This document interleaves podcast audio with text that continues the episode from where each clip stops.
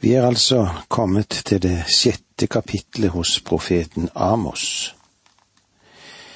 Israel oppmuntres til å vike fra sin ondskap, eller vi kan vel òg si det slik, ved de trygge på Sion.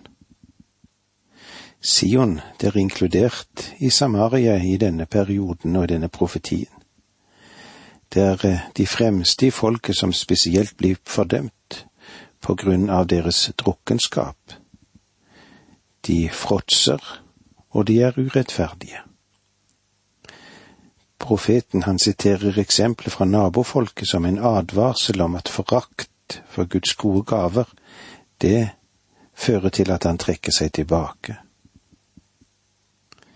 Kallene ved Tigris og Hamat falt for Asyria. Gat var nettopp blitt inntatt.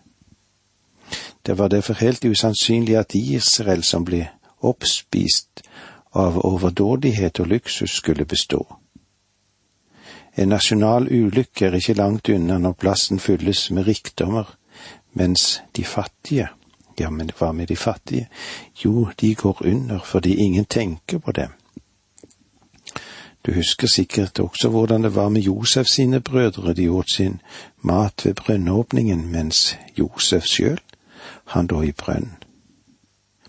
Mange bekjenner kristne likegyldige overfor sine brødres ulykke.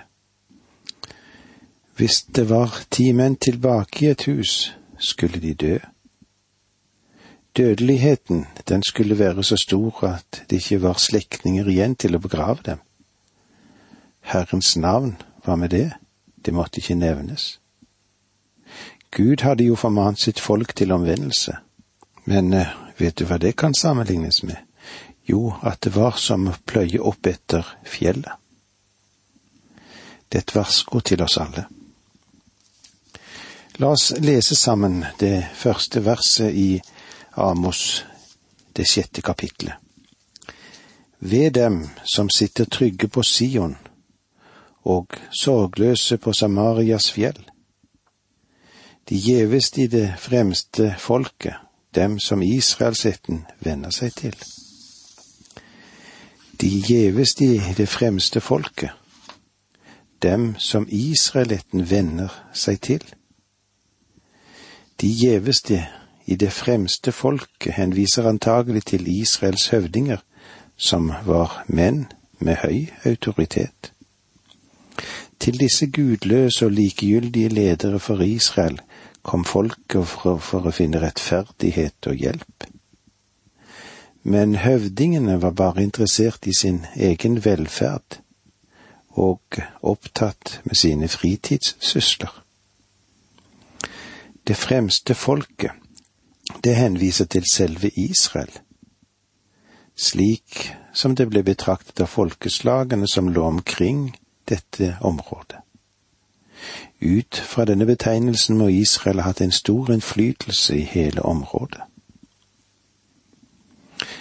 La oss se vers to kapittel seks.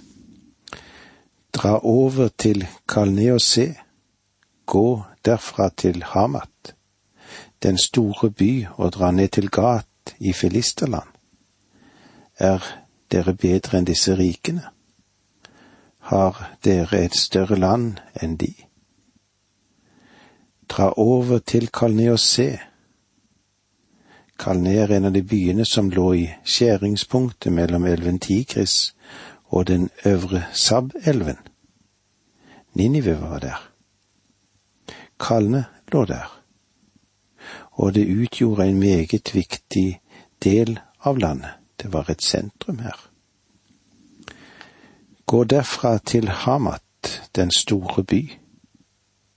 Hamat er den viktigste byen i Syria. Nå drar vi sydover. Og drar ned til Gat i Filisterland. Gat ligger syd for Filistia og var hovedbyen i dette landet. Er dere bedre enn disse rikene? Har dere et større land enn de? Med andre ord, se på de andre folkeslagene, Hvorfor tror dere at dere står over disse nasjonene? Dere står ikke over noen. Dere velter dere i den samme synd som de gjør, og det ansvaret dere har, er større. De har jo ingen åpenbaring av Gud, men dere har Hans åpenbaring. Nå nevner Ramos de tre nasjonale synder i Israel. Det var disse tre hovedsyndene som fikk dette Nordriket til å rase utfor. Det førte også Sydriket mot dypet. Det de gjorde, var at Babylon gikk under. De knuste Egypt. De gjorde Grekenland til intet, og de knuste Rom. Disse tre har ødelagt mangt et folk. Disse tre syndene er nasjonale synder, og det er synder som Gud vil dømme folkene for. I vers tre leser vi slik dere som jager ulyk ulykkesdagen fra dere og kaller fram et voldsherredømme. Israel sa, ja, det kommer en dommens dag, men den er ikke nær. Vi behøver ikke å bekymre oss om den. Det var det Hiskia sa til Jesaja da Jesaja fortalte han at dommen kom over Sydriket og at folket skulle føres i fangenskap. Hiskia sa, Vil det skje på min tid? Jesaja sa, Nei, det vil ikke komme i din tid. Og selv om Hiskia var en stor konge, så sa han det slik òg, vel, da bekymrer det meg ikke så mye. Vår generasjon fører videre det som vi har til våre barnebarn, og at de skal bli et folk. Kanskje de kan komme i vanskeligheter. Er du bekymret for dine barn? Er jeg bekymret for mine barn og den epoken de skal leve i? Jeg bekymrer meg mer for mine barnebarn nå enn for meg selv, kanskje. Den onde bølgen øker katastrofalt. Hva så med de tre synder som knuser en nasjon? Den første synd får vi i vers fire. De ligger på elfenbensbenker og strekker seg på divaner. De spiser lam fra saueflokken og gjøkalver fra buskapen. Utenomekteskapelig sex og fråtseri er de to syndene som er nevnt her og de er kjødets synder. De ligger på elfenbensbenker. Akab og Jesabel hadde bygget et elfenbenspalass i Samaria. Nå er det utgravd for det meste, og arkeologene har funnet mange fine ornamenter i dette området av kar og hva det måtte være i ruinene. Palasset hva var det med det? Jo, det representerte overklassens liv. De ligger på elfenbensbenker, et uttrykk for det kongelig velevnet. De tok det med andre ord makelig. Å strekke seg på divaner. Det antyder deres opptatthet av sex. Det var det de var engasjert i og det er det som karakteriserer òg den tid som vi lever i. Ingen nasjon har kunnet overleve en slik opptatthet av synd. Rom var kanskje det største riket som noensinne har oppstått, men hvorfor forfalt det fra hverandre? Det var ingen ytre fiende som ødela Rom. Det var den indre forråtnelse. Historikeren Gubbon sier at familiens oppløsning var den viktigste årsak til Roms fall.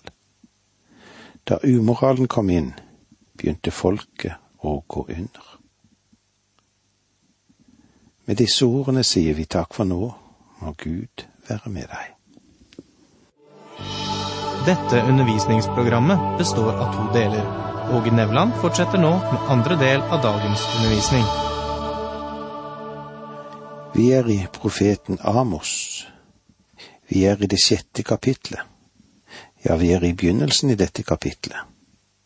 Og det vi ser på i dag, eller det vi vil se innom litt i dag, er de store syndene som holder på å ødelegge folk og nasjoner. Vi var innom utenomekteskapelig sex og fråtseri. Det er synd. Ingen nasjon har kunnet overleve det vi kan kalle for det som er opptatt av synd.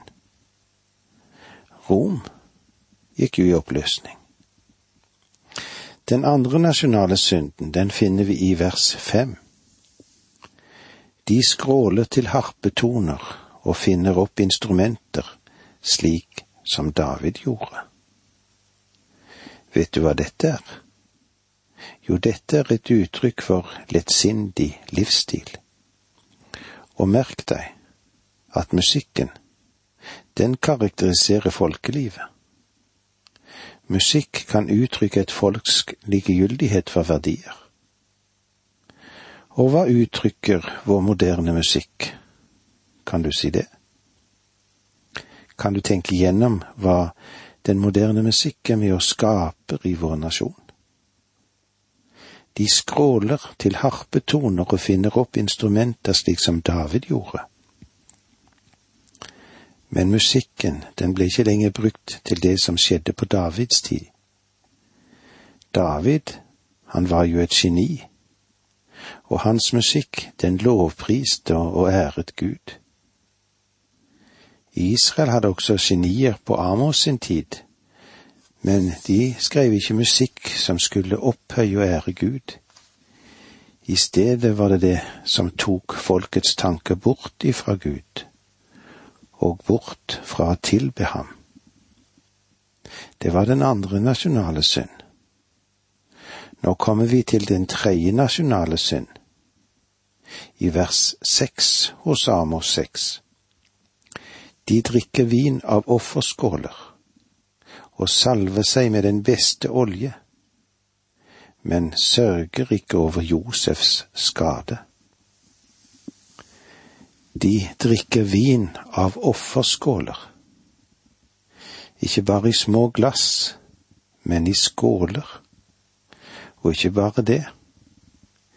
Du hørte hva det sto. Det var offerskåler. Det betyr at de ikke hadde noe respekt for det hellige. Der respekten for det hellige forsvinner fra et folk, der vil det alltid være fare og salver seg med den beste olje, men sørger ikke over Josefs skade. Hva kan dette være, da?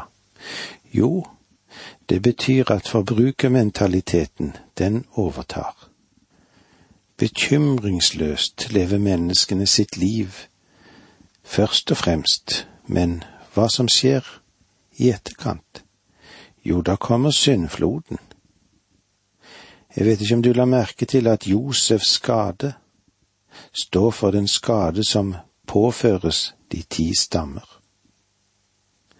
Josef som betegnelse for Nordriket møter du også i det kapitlet som vi hadde foran oss, i versene seks og femten i kapittel fem. Og der står det, Søk Herren, så skal dere leve Ellers kommer han som ild over Josefs ett. Den fortærer, og i Betel er det ingen til å slokke. Vers 15. Hat det onde og elsk det gode. Hold retten høyt på tinget. Så vil kanskje Herren allers Gud være nådig mot Josefs rest. Men det var altså drukkenskapen som var den store svøpe, og det var òg den tredje nasjonale synd i Nordriket. Og det har en økende skadevirkning også i vårt eget folk. Ser vi på den totale døds- og skadestatistikken i vårt eget land, ja, da kommer vi opp i en uhyggelig stor prosent som skyldes misbruk av alkohol.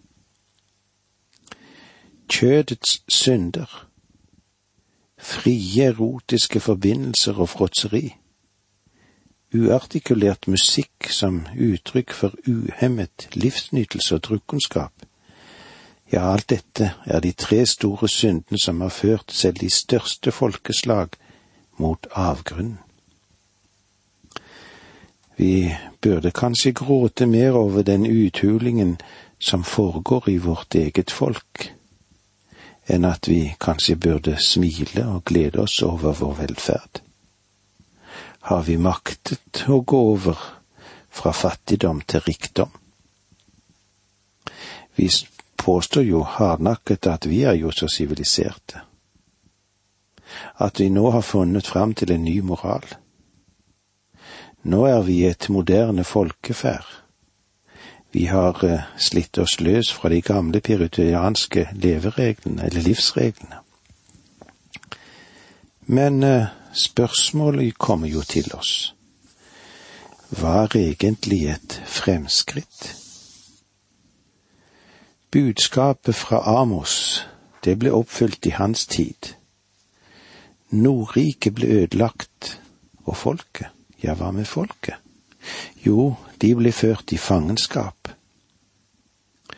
Og er av de syndene som er nevnt, som førte dem mot stupet. I vers fire her i kapittel seks var det fråtseri og løse seksuelle forbindelser. I vers fem var det nyskapningen av musikk som uttrykk for en ansvarsløs livsstil. Og i vers seks var det drukkenskapen. Det er den samme gamle historien som kommer igjen og igjen. Kvinner, vin og sang. Kan vi si det at det er dette som er livet for mange mennesker, det er det det hele dreier seg om? Men saken er at det er ikke livet det dreier seg om, men det er døden det dreier seg om. Det er den filosofi som sier et drikk og vær glad, for i morgen dør vi. Men dette er en blind blindgate. Dette er dødsprosessene, og ikke livsprosessene. Og hvem er det som har overtaket? Dette har ført både et enkeltmenneske og en nasjon til forfall. Det er viktige sider som Amos trekker frem. Alt dette sier noe interessant om menneskehjertet. Du kan stappe hele verden inn i hjertet, og fremdeles er det ikke tilfreds. Det er jo noe forunderlig over dette, ikke sant? Det er bare Gud som kan fylle det vakuum som finnes i menneskehjertet.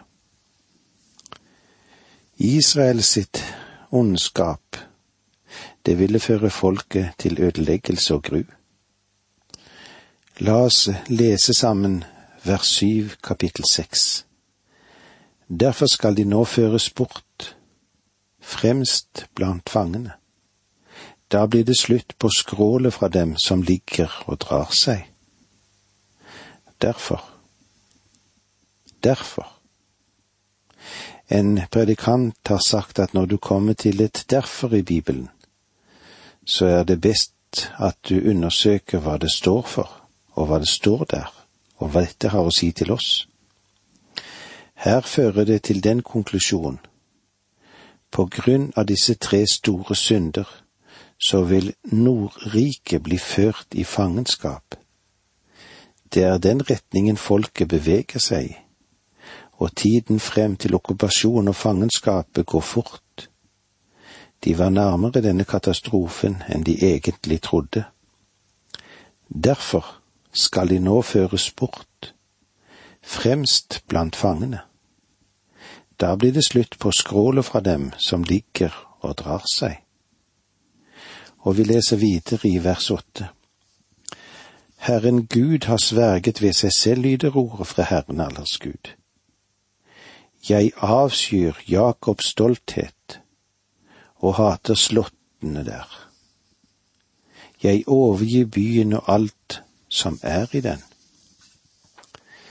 Deres palasser var ranestedet for korrupsjon og lagerhus for alt som var røvet fra de fattige. Gud hatet alt dette. Vil du vite hvilken holdning Gud har til våre, våre dagers filosofi med sin nye moral? Sine løse seksuelle forbindelser? Sitt frost, fråtseri? Sin degraderende musikk og sin drukkenskap? Ja, hvis du vil se om dette, så skal du bare lese Amos bok. Gud gjør det klart her. Gud sier at han avskyr dem, og som et resultat av deres synd er Israel blitt et gudløst folk. Dette vil menneskene ta bort fra Gud, eller hindre dem i å komme til ham. Og eh, det var så langt vi fikk med oss dette budskapet i dag, et alvorlig budskap fra Amos. Takk for nå, må Gud være med deg.